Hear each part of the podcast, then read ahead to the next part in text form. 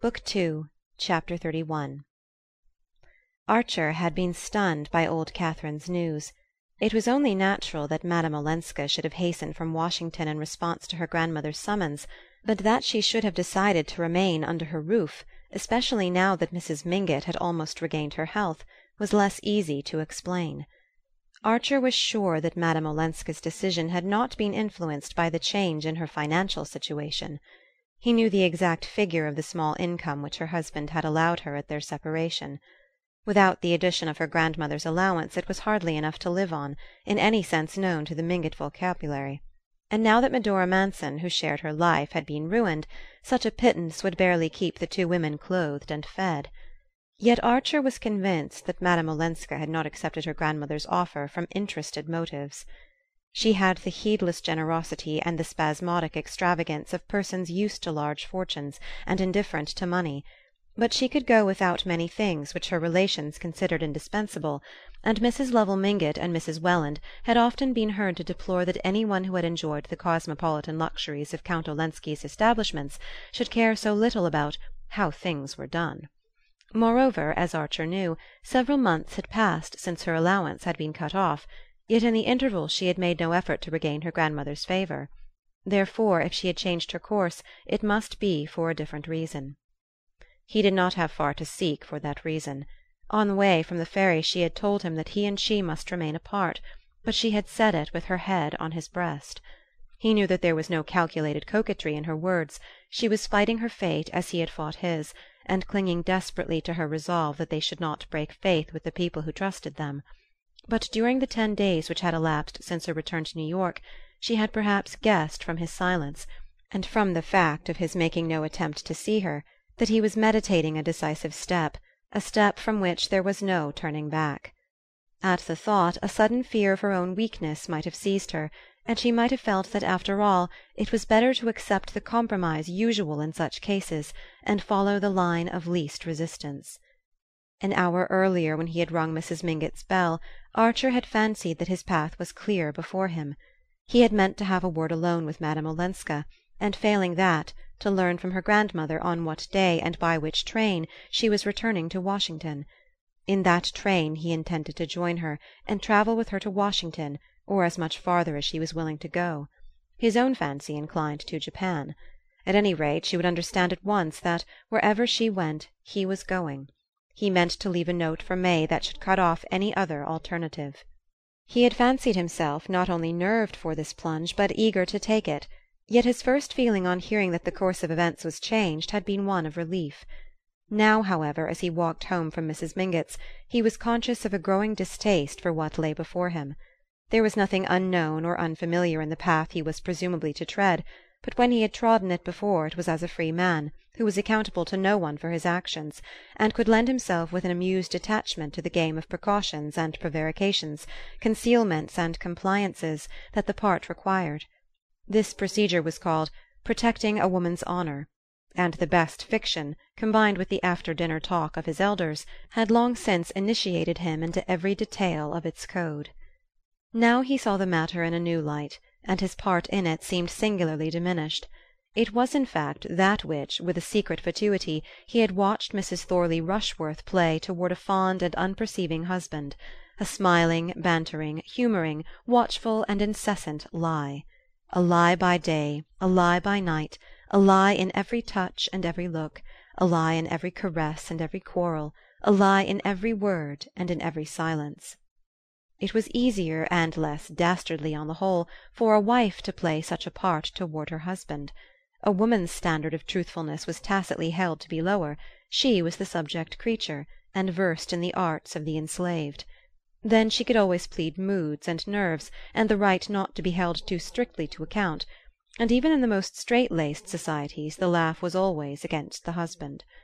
But in Archer's little world no one laughed at a wife deceived, and a certain measure of contempt was attached to men who continued their philandering after marriage.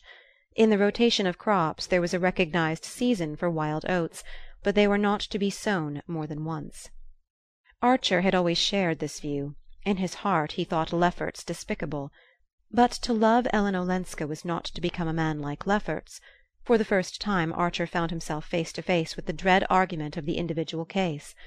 Ellen Olenska was like no other woman, he was like no other man. Their situation, therefore, resembled no one else's, and they were answerable to no tribunal but that of their own judgment.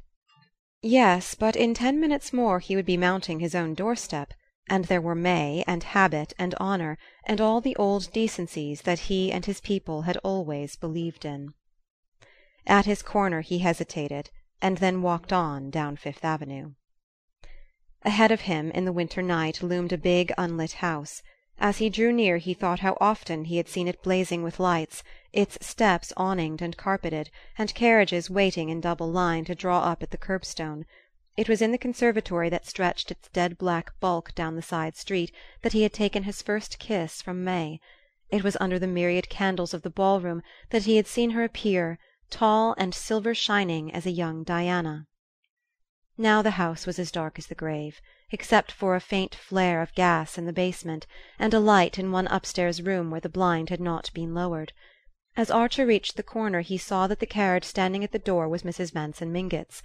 What an opportunity for Sillerton Jackson if he should chance to pass! Archer had been greatly moved by old Catherine's account of Madame Olenska's attitude towards Mrs. Beaufort. It made the righteous reprobation of New York seem like a passing by on the other side. But he knew well enough what construction the clubs and drawing rooms would put on Ellen Olenska's visits to her cousin.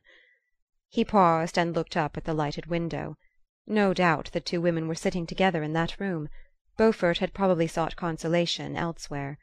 There were even rumors that he had left New York with Fanny Ring; but Mrs. Beaufort's attitude made the report seem improbable.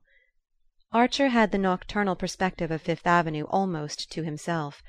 At that hour most people were indoors dressing for dinner, and he was secretly glad that Ellen's exit was likely to be unobserved.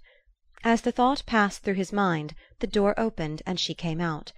Behind her was a faint light, such as might have been carried down the stairs to show her the way. She turned to say a word to some one; then the door closed and she came down the steps.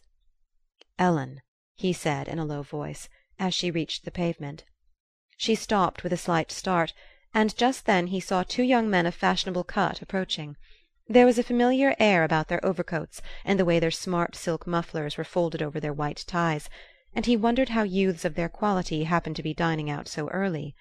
Then he remembered that the Reggie Chiverses, whose house was a few doors above, were taking a large party that evening to see Adelaide Neilson in Romeo and Juliet, and he guessed that the two were of the number. They passed under a lamp, and he recognized Lawrence Lefferts and a young Chivers. A mean desire not to have Madame Olenska seen at the Beauforts' door vanished as he felt the penetrating warmth of her hand. "I shall see you now we shall be together," he broke out, hardly knowing what he said. "Ah," she answered, "Granny has told you?" While he watched her he was aware that Lefferts and Chivers, on reaching the farther side of the street corner, had discreetly struck away across Fifth Avenue. It was the kind of masculine solidarity that he himself often practiced; now he sickened at their connivance. Did she really imagine that he and she could live like this? And if not, what else did she imagine? "To morrow I must see you somewhere where we can be alone," he said, in a voice that sounded almost angry to his own ears. She wavered and moved toward the carriage. "But I shall be at granny's for the present, that is," she added as if conscious that her change of plans required some explanation. "Somewhere we can be alone," he insisted. She gave a faint laugh that grated on him. "In New York? But there are no churches no monuments." "There's the Art Museum in the Park," he explained as she looked puzzled. "At half past two. I shall be at the door." She turned away without answering and got quickly into the carriage. As it drove off she leaned forward and he thought she waved her hand in the obscurity. He stared after her in a turmoil of contradictory feelings. It seemed to him that he had been speaking not to the woman he loved, but to another, a woman he was indebted to for pleasures already wearied of. It was hateful to find himself the prisoner of this hackneyed vocabulary.